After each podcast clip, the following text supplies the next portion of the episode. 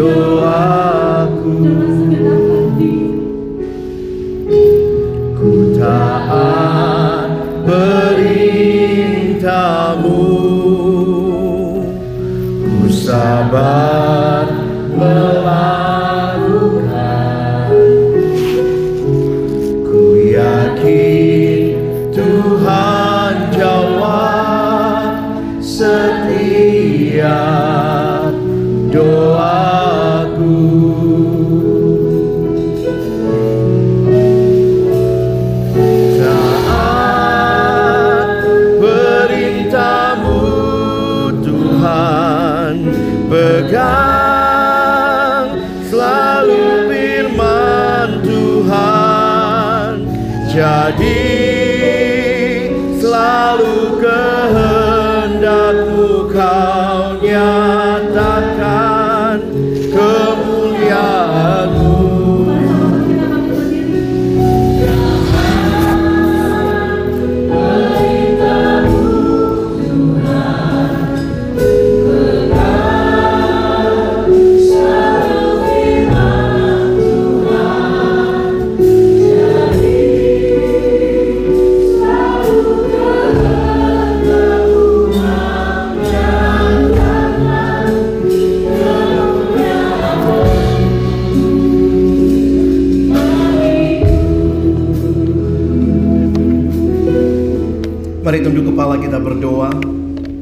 Bapa di dalam surga kami bersyukur kami boleh menyaksikan cinta kasih-Mu bukan hanya dalam hidup setiap orang yang sudah berdiri di mimbar ini tetapi kami pun boleh sama-sama berkata Tuhan Engkau baik dan sungguh Engkau menyatakan kebaikan-Mu bagi kami. Segarkan kembali iman kami Ketika kami membuka firman-Mu, bukalah juga hati kami. Jadikanlah hati kami seperti tanah yang baik, supaya setiap benih firman Tuhan yang ditaburkan boleh sungguh-sungguh berakar, bertumbuh, dan juga berbuah nyata di dalam hidup kami. Berkati hambamu yang menyampaikan firman setiap kami yang mendengarkan Tuhan tolonglah kami semua Agar kami bukan hanya menjadi pendengar-pendengar firman yang setia Tapi mampukan kami dengan kuasa dari rohmu yang kudus Kami dimampukan menjadi pelaku-pelaku firman Di dalam hidup kami Di dalam masa muda kami. Bersabdalah ya Tuhan Kami umatmu sedia mendengarnya. Dalam satu nama yang kudus Nama yang berkuasa Nama Tuhan kami Yesus Kristus Kami menyerahkan pemberitaan firman Amin. Silakan duduk. Shalom Kita bersyukur kepada Tuhan Kesempatan ini menjadi kesempatan yang indah bagi kita untuk Seperti doa saya tadi Menyaksikan kebaikan Tuhan Kita akan sama-sama melihat bagian firman Tuhan yang mendasari perenungan kita untuk tema The Need of Self-Discipline. Saya menyiapkan PowerPoint di depan, jadi saya harap teman-teman nanti bisa ikut melihat dan juga boleh membaca beberapa bagian. Firman Tuhan diambil di dalam 1 Petrus pasal yang pertama ayat 14 sampai dengan ayat yang ke-16. Saya tuliskan ayatnya buat kita di depan. Mari kita membaca ayat ini. Kalau kalian punya Alkitab silakan dibuka. 1 Petrus pasal yang pertama ayat 14 sampai ayat yang ke-16. Mari kalau sudah ketemu kita membaca tiga ayat ini bersama-sama. Satu, dua, ya. Hiduplah sebagai anak-anak yang taat dan jangan turuti hawa nafsu yang menguasai kamu pada waktu kebodohanmu. Tetapi hendaklah kamu menjadi kudus di dalam seluruh hidupmu, sama seperti Dia yang kudus yang telah memanggil kamu. Sebab ada tertulis, "Kuduslah kamu, sebab Aku kudus." Saudara yang dikasihi Tuhan, perhatikan surat 1 Petrus ini. Kalau kalian perhatikan surat 1 Petrus, di dalam surat ini Rasul Petrus memberikan pengajaran kepada umat Allah yang waktu itu di dalam sebuah situasi banyak musuh dan juga banyak penderitaan. Saya jujur waktu baca beberapa kali surat 1 Petrus, saya pikir ini cocok sekali dengan konteks zaman now. Di mana kekristenan juga mendapatkan banyak ancaman.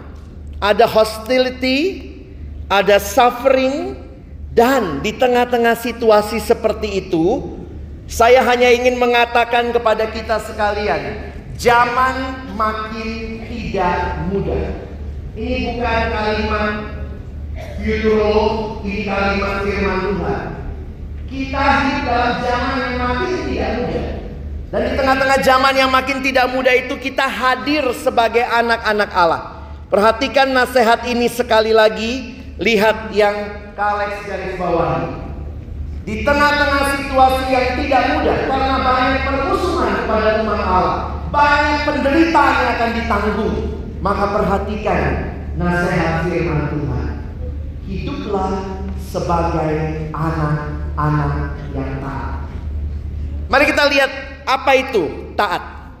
Secara sederhana kalau kalian melihat di dalam kamus besar bahasa Indonesia, Mentaati itu berarti mematuhi menurut perintah, aturan dan sebagainya. Saya pikir ini generasi yang katanya susah taat ya. Kenapa? Karena kita nggak mau ngikutin aturan sebenarnya itu. Di tengah-tengah begitu banyak pilihan yang ada di sekitar kita, pertanyaannya, apakah pilihanmu pilihan yang benar atau pilihan yang salah? Karena itu saya ingin mendorong kalian untuk melihat baik-baik nasihat yang disampaikan firman Tuhan. Hiduplah sebagai anak-anak yang taat di tengah zaman yang makin tidak mudah ini. Kenapa saudara? Saya melihat justru Tuhan memanggil kita menjadi umat Allah yang harus berbeda dan menjadi berkat bagi dunia. Saya kenal Pak Tolhas dari masa mahasiswa dan melihat kalau waktu dia masuk kick Andy itu tujuh tahun lalu kali ya. Dan melihat bagaimana karya-karya yang Tuhan izinkan lakukan di tengah-tengah hidupnya saya pikir di tengah situasi yang makin sulit dunia yang makin tidak mau cari Tuhan dunia yang makin tidak mau mengasihi saya pikir orang Kristen dipanggil untuk bersaksi di tengah-tengah dunia seperti itu karena itu lihat kalimat yang kedua. Kalau tadi apa itu ketaatan? Yang kedua, mengapa kita perlu taat? Saudara taat sama self discipline dikaitkan dalam tema kita kali ini. Pentingnya punya self discipline. Saudara perhatikan sebentar. Hidup taat, self discipline adalah salah satu kunci keberhasilan. Tentu Tuhan beranugerah, itu pasti. Tetapi Tuhan meminta ada bagian yang saudara dan saya harus perjuangkan. Salah satunya adalah self discipline. Di dalam kekristenan kita mengenal juga untuk bertumbuh ada yang namanya disiplin rohani. Jadi bicara disiplin ini terkait di dalam ketaatan kita. Self discipline menjadi satu hal yang penting teman-teman dan saya miliki. Saya harus katakan saya pun terus berjuang di dalam hal ini. Kadang jatuh tapi terus bangun. Makanya ada kalimat mengatakan bukan berapa kali kamu jatuh. Tapi berapa kali kamu bangun. Bangkit lagi. Berjuang lagi. Nanti kita coba lihat sebentar ya. Nah saya ingin lihat ada kalimat dari Theodore Roosevelt. Dia mengatakan begini. With self-discipline, most anything is possible. Dan saya yakin sih kalian udah tahu itu ya. Itu bukan hal yang baru. Tapi perhatikan lagi. Banyak orang melihat hidup itu hanya hasilnya. Tadi bicara sama Bang Tolhas ini dia mendirikan uh, lembaga lokal gitu ya. Tapi jangan lupa teman-teman, kita kalau lihat hasilnya kita tepuk tangan hebat ya. Tapi jangan lupa lihat prosesnya. Teman-teman baca ayat firman Tuhan ini. Di dalam firman Tuhan juga ada bagian yang mengingatkan kita. Kita baca sama-sama ya. Amsal 22 ayat 6. 1 2 ya. Didiklah orang muda menurut jalan yang patut baginya, maka pada masa tuanya pun ia tidak akan Kata didik di dalam bahasa aslinya bukan sekedar teach. Cek Alkitab terjemahan Inggris dalam bahasa Inggris New International Version menerjemahkannya train your child. This is not only teach. Teach itu cuma ngasih tahu sekedar itu, tetapi lebih dalam train your child. Training dan dalam training itu pasti tidak mudah. Saudara lihat Paralimpik sekarang ya, ah, sorry para games ya. Para Asian Games kita melihat saudara-saudara kita dengan disabilitas juga punya karya. Wah kita bilang wah hebat banget ya. Gua aja yang kayaknya badannya semuanya ada lengkap nggak bisa kayak dia. Tapi saudara ini juga bukan sekedar bisa begitu. Dia melewati training. Jadi saudara, saya setuju dengan Bang Tolhas tadi. Kita sama. Ada perbedaan, ada kekurangan, oke okay lah. Tetapi di dalam semangat untuk boleh maju terus. Dan ingat, firman Tuhan mengingatkan kita. Ini sebenarnya tugasnya orang tua. Train your child. Nah, saya mau masuk khotbah saya nggak panjang teman-teman ya singkat kok. Jadi kalau yang lagi ngobrol berhenti sebentar ya, kita gantian ngomong sebentar aja. Bagaimana caranya kita taat? Tadi apa itu ketaatan? Yang kedua kita bicara mengapa kita butuh taat? Karena ada hal yang penting yaitu sebuah proses yang kita jalani untuk sukses. Yang ketiga kita bicara bagaimana caranya kita taat. Saya akan bagikan tiga hal dalam perenungan saya cara untuk taat yang saya minta kita sama-sama perhatikan. Tapi saya mau soroti dulu masalah self discipline. Perhatikan sebentar di dalam kamus self discipline itu artinya atau didefinisikan the ability to control one's feeling and overcome one's weaknesses. Perhatikan ya, kata kuncinya control, ability to control and to overcome. Yang dikontrol itu feeling, yang di overcome itu witnesses dan perhatikan, and ability to pursue what one thinks is right despite temptation to abandon it. Wah, ini Definisinya lengkap banget. Jadi bagaimana mengontrol feeling, bagaimana di dalamnya kita bisa mengalahkan kelemahan kita. Misalnya, aduh kak, saya bisa bangun pagi. Tiap kali bangun pagi harus berantem sama seisi rumah. Nah itu mesti belajar overcome. And ability to pursue what one thinks is right. Saya garis bawahi sebenarnya kata right. Kalau itu betul, benar, kejar Despite temptation to abandon it. Jangan lupa ya, ternyata self discipline kita diuji ketika ada tantangan. Saya juga harus bersaksi kali ya, menyadari bagaimana Tuhan memimpin perjalanan saya. Benar, bukan tentang saya, kalau tentang sayanya sih teman-teman ya, saya harus katakan begini, saya dipakai Tuhan, Tuhan bekerja melalui saya. Banyak kali saya juga nggak taat, saya nggak disiplin. Tapi di dalam semua hal yang saya belajar persembahkan kepada Tuhan. Di situ saya lihat Tuhan berkarya. Saya ingat ada satu lagu yang berkata begini. Little is much when God is in it. Little is much when God is in it. Labor not for wealth or fame. Jangan bekerja untuk ketenaran, Teman-teman, banyak hal yang kalau saya bilang Tuhan terima kasih, itu juga yang saya alami. Saya anak daerah, bukan dari Jakarta. Sebenarnya waktu saya melewati masa kecil, saya ini anaknya minder. Mindernya kenapa? Karena saya dibandingin sama cici saya. Semua yang saya capai, dia capainya lebih dari saya. Saya bangga ya, orang tua bangga lu ya masuk UI. Saya kuliah di UI, Fakultas Ilmu Sosial Ilmu Politik jurusan Ilmu Komunikasi. Saya nggak bangga-bangga amat kenapa? Cici saya S1-nya di Australia full beasiswa. Saya nggak masuk karena kurang 0,05. Itu nyesek banget ya. Kurang 0,05. Lalu waktu kecil cici saya bisa semua alat musik. Dia awalnya latihannya gitar. Jadi biasanya kalau ini dia main gitar, dia bisa nyanyi, dia bisa main piano, dia bisa drum, ikut marching band, pegang trompet. Saya nggak mau. Saya waktu masa-masa minder itu saya tolak semua.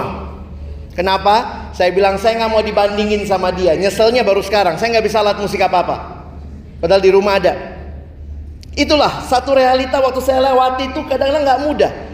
Puji Tuhan saya kenal Tuhan SMA kelas 1. Ini titik balik yang saya rasakan di dalam kehidupan saya. Dan sejak itu saya belajar berdisiplin. Saya belajar melihat apa yang Tuhan sedang kerjakan di dalam hidup. Teman-teman, salah satu yang saya temukan adalah perbedaan ini. Kalian bisa lihat apa bedanya disiplin sama kewajiban. Perhatikan dalam teori disiplin dan kewajiban, kewajiban itu datangnya dari luar. Ada faktor paksaan.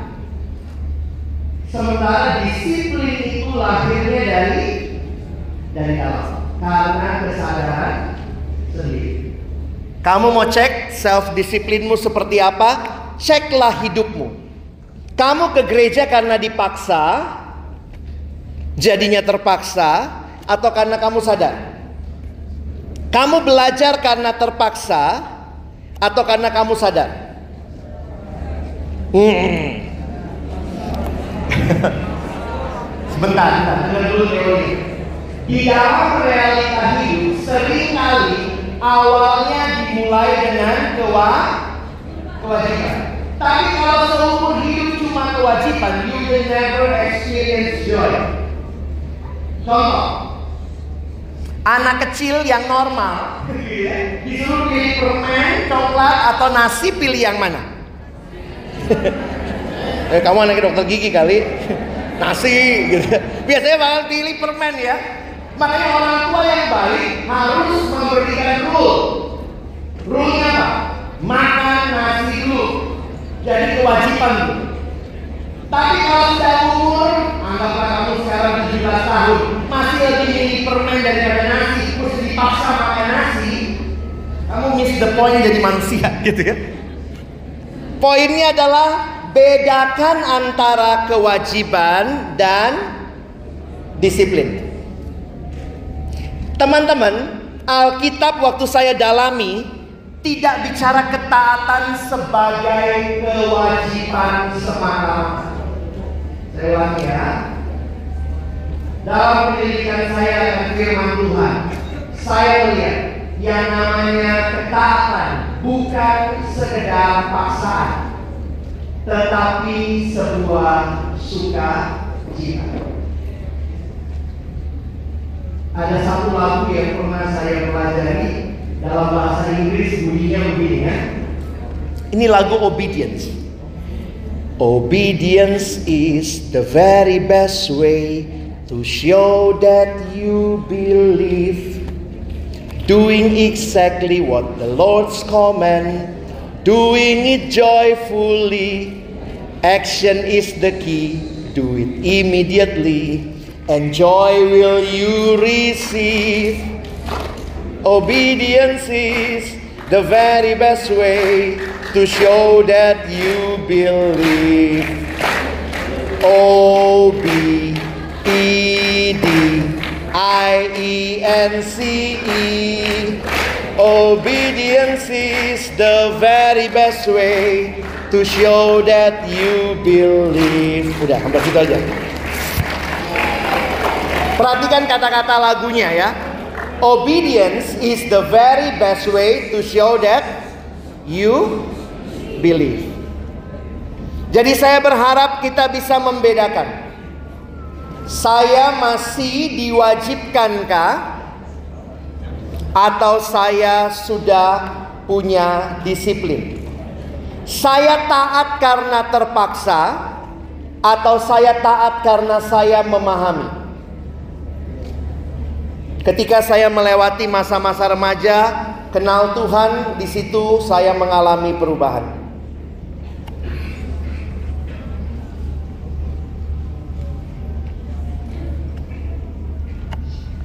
Tiga hal yang saya mau kalian ingat hari ini.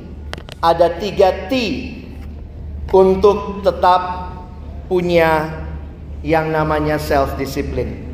Pertama Identity. Ingat identity. Teman-teman Alex paling kesel tuh nonton sinetron Indonesia. Kalau pas dia lagi mau panjang-panjangin serinya juga jatuh Hilang ingatan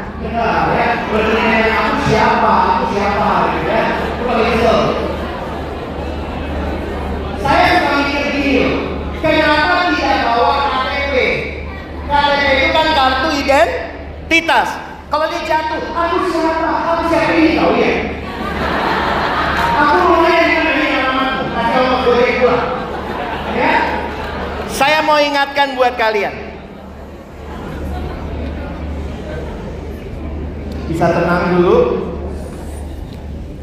Saya mau ingatkan buat teman-teman. Bagaimana memiliki self disiplin? Pertama-tama lihat, firman Tuhan ingatkan, ingat identitasmu. Paling ngeri orang yang lupa diri, lupa identitasnya. Perhatikan kitab 1 Petrus ini.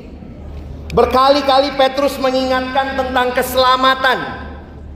Kamu itu manusia yang baru, Paulus berkata, yang di dalam Kristus namanya manusia baru. Sesungguhnya yang baru, yang lama sudah berlalu, yang baru sudah datang. Coba kita baca kesaksian Petrus ya. Ini persis di bawahnya. Ayat yang kita baca 14 sampai 16. Ini ayat yang ke-18 dan 19. Satu dua ya. Sebab kamu tahu bahwa kamu telah ditebus dari cara hidupmu yang sia-sia Yang kamu warisi dari nenek moyangmu itu bukan dengan barang yang fana Bukan pula dengan perak atau emas Melainkan dengan darah yang mahal yaitu darah Kristus Yang sama seperti darah anak domba yang tak bernoda dan tak bercacat. Ingat identitas Kamu dan saya milik Kristus Paulus berkata di ayat yang lain kita baca ya satu dua ya. Sebab kamu telah dibeli dan harganya telah lunas dibayar karena itu berkali-kali Alkitab mengingatkan who you are in Christ. Siapa kamu di dalam Tuhan? Kadang-kadang kita lebih senang mengidentifikasikan diri Our identity tergantung teman-teman kita. Saya pergi ke satu daerah, terus kemudian waktu selesai kawin khotbah ada yang datang nih. Karena dia bilang begini, tadi kalian bilang nggak boleh ya pakai narkoba. Iya, nggak boleh saya bilang. Nggak boleh rokok ya? Iya, nggak boleh. Terus kemudian dia ngomong begini. Kalex pernah narkoba nggak? Nggak pernah. Kalex pernah ngerokok nggak? Nggak pernah. Loh, kalau nggak pernah kenapa bilang nggak boleh kak? Loh, saya bingung gitu, saya tanya ini. Ini yang bego saya apa yang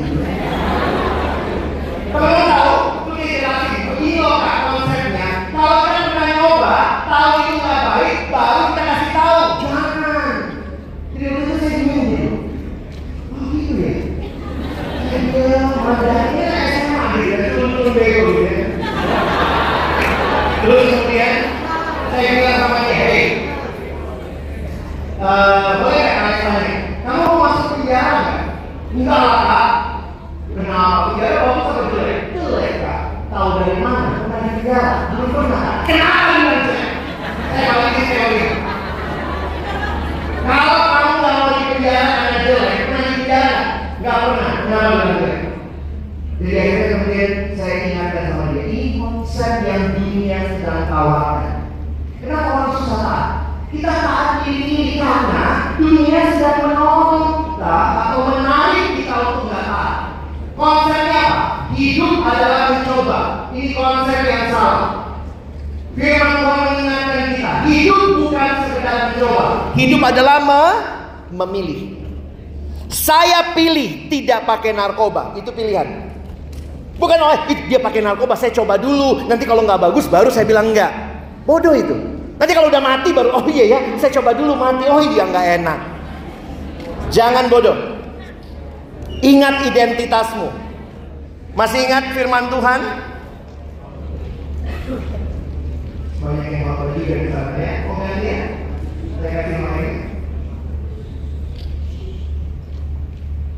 Pergaulan yang buruk merusakkan kebiasaan yang baik. Kalian perhatikan istilah yang digunakan? Kebiasaan itu sesuatu yang sudah terus menerus dilakukan. Perhatikan, ketika pergaulan buruk yang dirusak itu bukan cuma perbuatan baik. Perhatikan ayatnya, yang dirusak itu kebia kebiasaan. Hati-hati. Pilih teman yang baik. Ada yang begitu, saya bilang, kenapa kamu merokok? Iya kak, kalau merokok nanti teman-teman jauhin lo.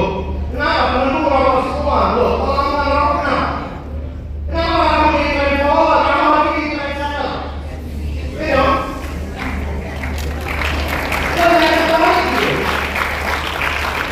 Ability to pursue what is right.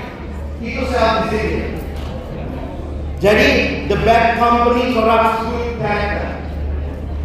Jadi saya ingatkan lagi sama dia, wah kamu yang harusnya membantu membedakan. Soalnya kalau orang lagi jantan enggak? Hah? Oh ayam. Itulah ya, cara pikir kita kebalik.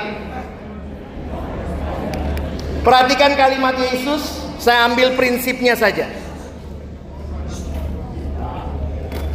Kamu ada di dalam dunia, itu kalimat Yesus. Tapi kamu bukan dari dunia. Identitas penting supaya kamu tahu siapa dirimu. Hidup berbeda dengan dunia.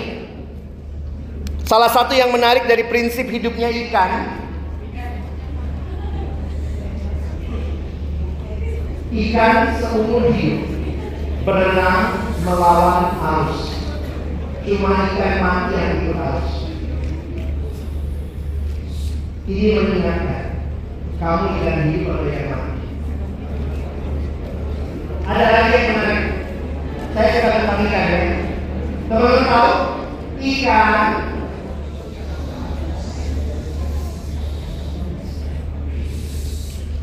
ikan meskipun hidup di air asin dagingnya tetap halal.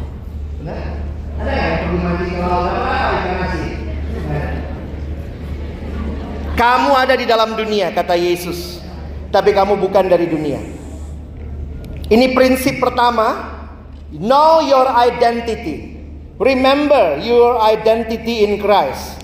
Yang kedua, untuk bisa berself discipline, you need to grow into maturity. Tadi identity, sekarang maturity. Perhatikan ayat ini. Karena proses, maka ayat ini bagi saya menarik. Janganlah kamu menjadi serupa dengan dunia ini, tetapi berubahlah oleh pembaharuan budimu. Emangnya apa yang terjadi kalau kita berubah? Perhatikan baik-baik. Supaya kamu dapat membedakan manakah kehendak Allah. Kenapa kadang-kadang kita salah pilih? Dunia milih ini kita ikutan, dunia milih itu kita ikutan, jadi salah pilih. Karena kita tidak mengalami transformasi.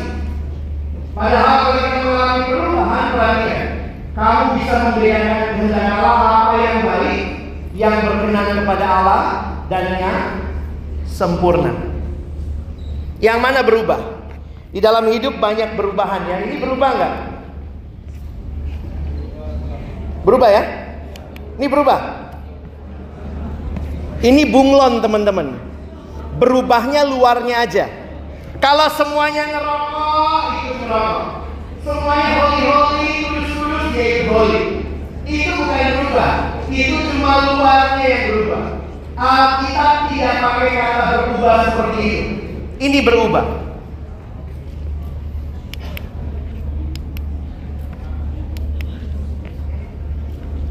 Mau lihat ayatnya sama.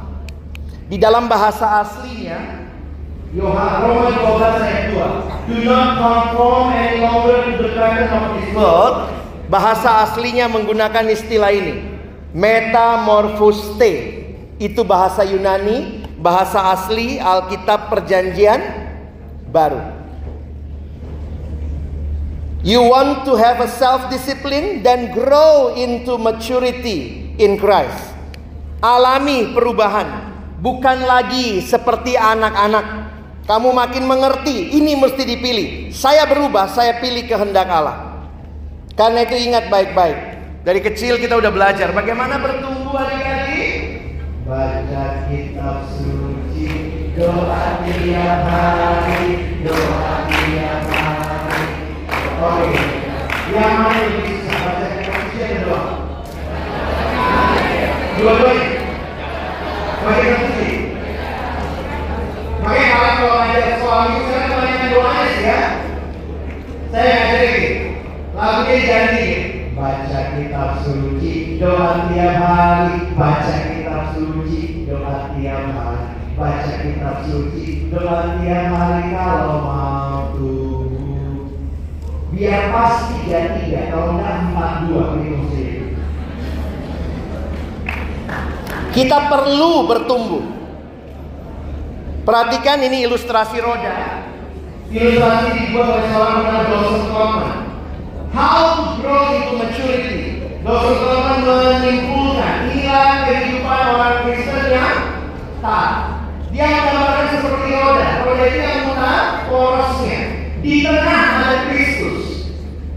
Lalu dia menggambarkan dua jari-jari. Satu yang vertikal, satu yang horizontal. Vertikal hubungan Tuhan. Horizontal hubungan dengan sesama. Saya bicara sama Tuhan namanya do doa. Tuhan bicara sama saya lewat firman. Yang horizontal perhatikan. Ke dalam bersama sesama orang percaya kita rajin bersekutu. Keluar kita rajin bersaksi. Saya harap kita hormati ibadah. Kita hormati kebaktian. Kita hormati kesempatan firman diberitakan. Kita punya waktu baca firman Tuhan. Kita punya waktu berdoa. Itu semua menolong kita bertumbuh. Supaya kata firman Tuhan. Kamu tahu mana kehendak Tuhan. Kalau kamu datang kebaktian cuek, ngobrol. Ini bukan di sekolah aja, di gereja juga begitu. Cuman sibuk main HP, sibuk baca warta, nggak dengar, nggak ikuti ibadah, nyanyi cuman asal buka mulut, hati dan pikirannya di tempat lain. Kamu nggak akan dapat apa-apa. Transformasi terjadi ketika engkau berkata Tuhan, saya mau fokus, saya mau tahu apa kehendakmu. Tuhan saya mau manfaatkan komunitas ini untuk saya bertumbuh. Pertama, identity. Know your identity. Yang kedua, tadi bicara tentang maturity. Terakhir, no priority. Put God as the first priority in your life. Teman-teman, di dalam hidup ada banyak level ketaatan. Kalian masih ingat ada kalimat ini? Hai anak, taatilah orang tua. Tapi ingat kalimatnya tidak berhenti di situ. Di belakangnya apa? Taatilah orang tuamu di dalam Tuhan. Kalau apa yang orang tua perintahkan beda sama yang Tuhan perintahkan, ikuti siapa? Jadi boleh nggak taat sama orang tua? Dari Boleh. Boleh kalau orang tua tidak taat sama Tuhan. Kadang-kadang memang orang tua bisa gagal taat, benar nggak? Nanti tiba-tiba apa kalau saya ini ekstrim kayak pas pulang eh, orang tua ngomong, ayo nak kita bunuh anak tetangga. Boleh. Enggak ya kan? Makanya perhatikan. Kalian ingat ada level of prior, priority. Taat kepada Allah, lalu taat kepada orang tua di dalam taat kepada Tuhan. Sayangnya banyak yang orang tua sampaikan persis dengan yang Tuhan mau, kamu tidak tidak taat. Makanya ingat baik-baik. Self discipline, you need to know priority. Ketika saya baru bertobat, salah satu yang saya bergumul adalah di keluarga. Bersaksi di keluarga tidak mudah. Waktu itu masih belum ada HP, jadi biasanya kalau telepon rumah bunyi, kalau ditelepon orang tua tolong bunyi. Nanti kalau ada yang telepon bilang papa nggak ada, itu gimana bu? Terus angkat telepon, oh oh nggak ada papa. Jadi saya bergumul. Tapi saya bersyukur Tuhan kasih kesempatan karena saya kenal orang tua saya, orang tua saya bisa diajak dialog waktu pas waktunya enak. Saya bilang, Pak jangan begitu. Karena saya sempat lari-lari, saya tak tapi nggak berani ngomong. Jadi waktu saya papa bilang, kalau ada telepon bilang papa nggak ada, dia telepon bunyi, saya lari masuk kamar mandi. Yang. Tapi akhirnya saya jadi tidak berani menyatakan kebenaran. Teman-teman orang tua kita bisa gagal taat. Tapi sebagai anak, biarlah aku boleh jadi teladan juga di dalam keluarga. Banyak anak gagalnya di rumah. Ini yang bagi saya mudah juga ya.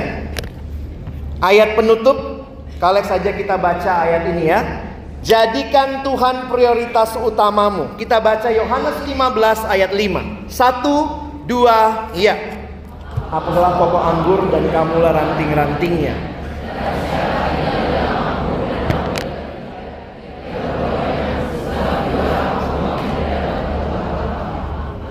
Perhatikan kalimat ini. Di luar aku, kamu tidak dapat berbuat. Jangan cari Tuhan waktu tua. Cari Tuhan sejak masa muda. Prioritaskan dia dalam hidup. Taati dia dalam ketaatan yang utama. Banyak orang melupakan Tuhan. Kalau hidup susah baru cari di mana Tuhan. Kalau hidup enak, boro-boro Tuhan. Tapi ayat ini lama saya renungkan waktu saya masih siswa seperti kalian. Saya dapat ayat ini kira-kira kelas 2 SMA dan ayat ini bicara di luar aku kamu tidak dapat berbuat apa-apa. Kalek sempat bergumul, benar nggak sih di luar Tuhan nggak bisa apa-apa? Banyak orang nggak kenal Yesus lebih pinter dari saya, rankingnya lebih di atas saya, lebih utama. Tapi saya jadi sadar itu bukan hidup, bukan cuma masalah ranking, bukan cuma masalah prestasi. Oh banyak orang lebih berprestasi dari kita. Tapi hidup adalah masalah kita tahu siapa yang menjadi sumber segala keberhasilan kita. Kalau orang yang lain dengan segala keberhasilannya, mungkin dia akan katakan puji diri, haleluya. Kalau kita seperti yang kalian udah dengar tadi ya, semua yang bersaksi di atas harus berkata, puji Tuhan, haleluya. Haleluya. It's not about us. It's not about me. It's all about Jesus. Teman-teman, saya tutup dengan ilustrasi ini. Satu pagi saya datang ke kantor, kalau ada satu adik yang kerja dengan kami, dia anak kosan, mungkin dengan di kos begitu ya. Nggak punya teman di kosan, dia pelihara ikan mas dalam akuarium kecil. Lalu pagi-pagi dia datang dia cerita sama saya, Kalex, Kalex, ada apa? Tahu nggak kak? Tadi malam ikan mas saya bunuh diri. Kok bisa? Lalu kemudian dia cerita, ikan masnya ternyata pagi-pagi ditemukan di atas karpet. ada dua ekor ikan mas sudah mati terkapar. Jadi kami coba bahas-bahas, ada sedikit bercanda. Oh ini ikan yang ada direstui cintanya orang tua ya, orang berdua gitu ya. Tapi teman-teman akhirnya kami menyimpulkannya apa? Ikan paling butuh air. Ikan mau dia lahir zaman reformasi tetap butuh air. Dia nggak bisa masuk ke reformasi nggak butuh air keluar. Begitu dia lompat keluar dari air dia MPP mati pelan. Teman-teman, saya mau tanya, jadi ikan itu bebasnya di mana? Di dalam air atau di luar air? Cuma segitu emang bebas. Tuh, air cuma segitu. Anggap kamu cuma punya satu gelas aqua kecil. Di? Di dalam air di luar air? Tetap di dalam air. Kadang-kadang kamu pikir, jadi anak Tuhan hanya yang bolehnya apa bolehnya? Saya mau bilang ya, ini prinsip yang kalian mesti ingat. Kalau kamu punya Tuhan yang bilang semuanya boleh, pasti dia bukan Tuhan yang baik. Benar kalimat saya? Kalau kamu punya Tuhan, atau jangan Tuhan dulu. Kalau kamu punya orang tua yang semuanya boleh, itu pasti bukan orang tua yang baik. Bersyukurlah kalau kamu masih punya orang tua yang bisa bilang tidak boleh. Kalau kamu pulang, papa mau bunuh anak tetangga nih, nih, oke, nah, silakan. Ma mau bunuh guru nih, ambil nih, soalnya silakan. Kalau begitu bukan orang tua yang baik. Tuhan kasih rules. Ikan, rulesnya apa? Kamu bebas di dalam air. Ikan yang taat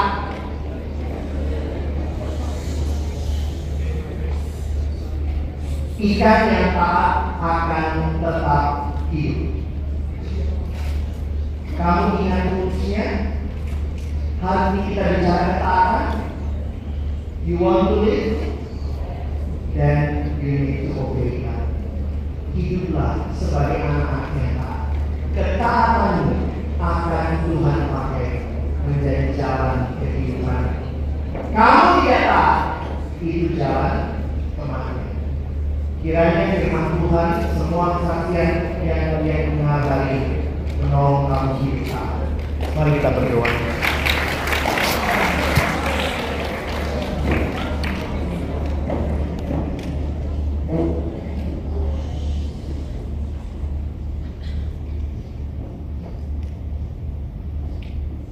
Teman-teman ingat Tuhan Maha Hadir. Dari tadi juga Tuhan hadir di sini. Kalau Tuhan hadir di sini, Tuhan dengar jeritan hatimu. Coba pikir sebentar di akhir khotbah saya. Seberapa yang kau dengar? Apa saja yang kau dengar? Mungkin tadi kau sibuk dengan yang lain.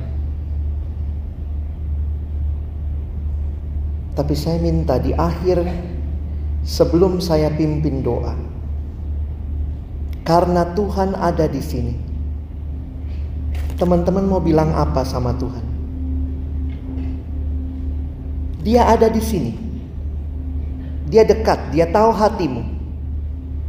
Teman-teman mau bilang apa sama Tuhan hari ini? Mungkin kau katakan Tuhan tolong saya taat. Mungkin kau katakan Tuhan bantu saya. Tuhan aku galau. Tuhan hatiku jauh darimu. Tuhan ada di sini Apa yang mau kau sampaikan? Silakan katakan kepada dia.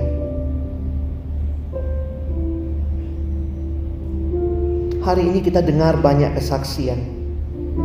Mungkin itu juga kerinduanmu. Tuhan aku mau sukses, aku mau berhasil. Kasih tahu sama Tuhan. Hari ini Tuhan minta engkau taat. Disiplin. Ubah hidup yang jelek jadi hidup yang berkenan kepada Tuhan. Bilang sama Tuhan, dia ada di sini. Katakan dari hatimu.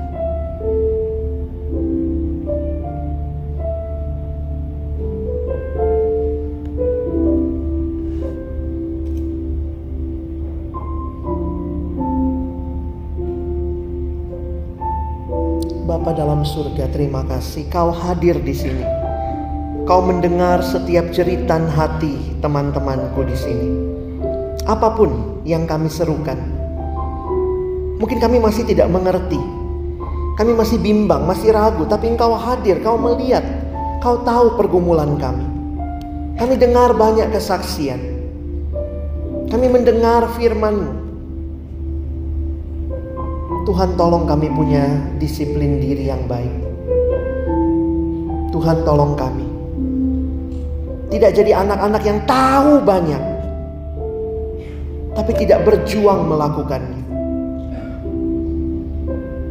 Tapi kami mau berjuang sampai pada akhirnya. Kau dapati kami setia. Tidak ada hidup di luar air buat ikan. Demikian juga tidak ada hidup bagi kami di luar Tuhan. Kalau kami tidak taat kepada Tuhan, itu jalan kematian. Tapi kalau kami mau tinggal taat di dalam kehendak-Mu, kadang gak mudah Tuhan. Kami pikir kami dikekang, kami tidak bebas. Tapi justru itulah jalan kehidupan. Terima kasih untuk firman-Mu Firman-Mu yang terus membatasi kami untuk kami tidak jatuh lebih dalam di dalam dosa. Firman-Mu yang mengingatkan kami pulang kembali, jangan terus hidup sesuai dengan kehendak kami. Terima kasih Tuhan untuk setiap hal yang Tuhan izinkan.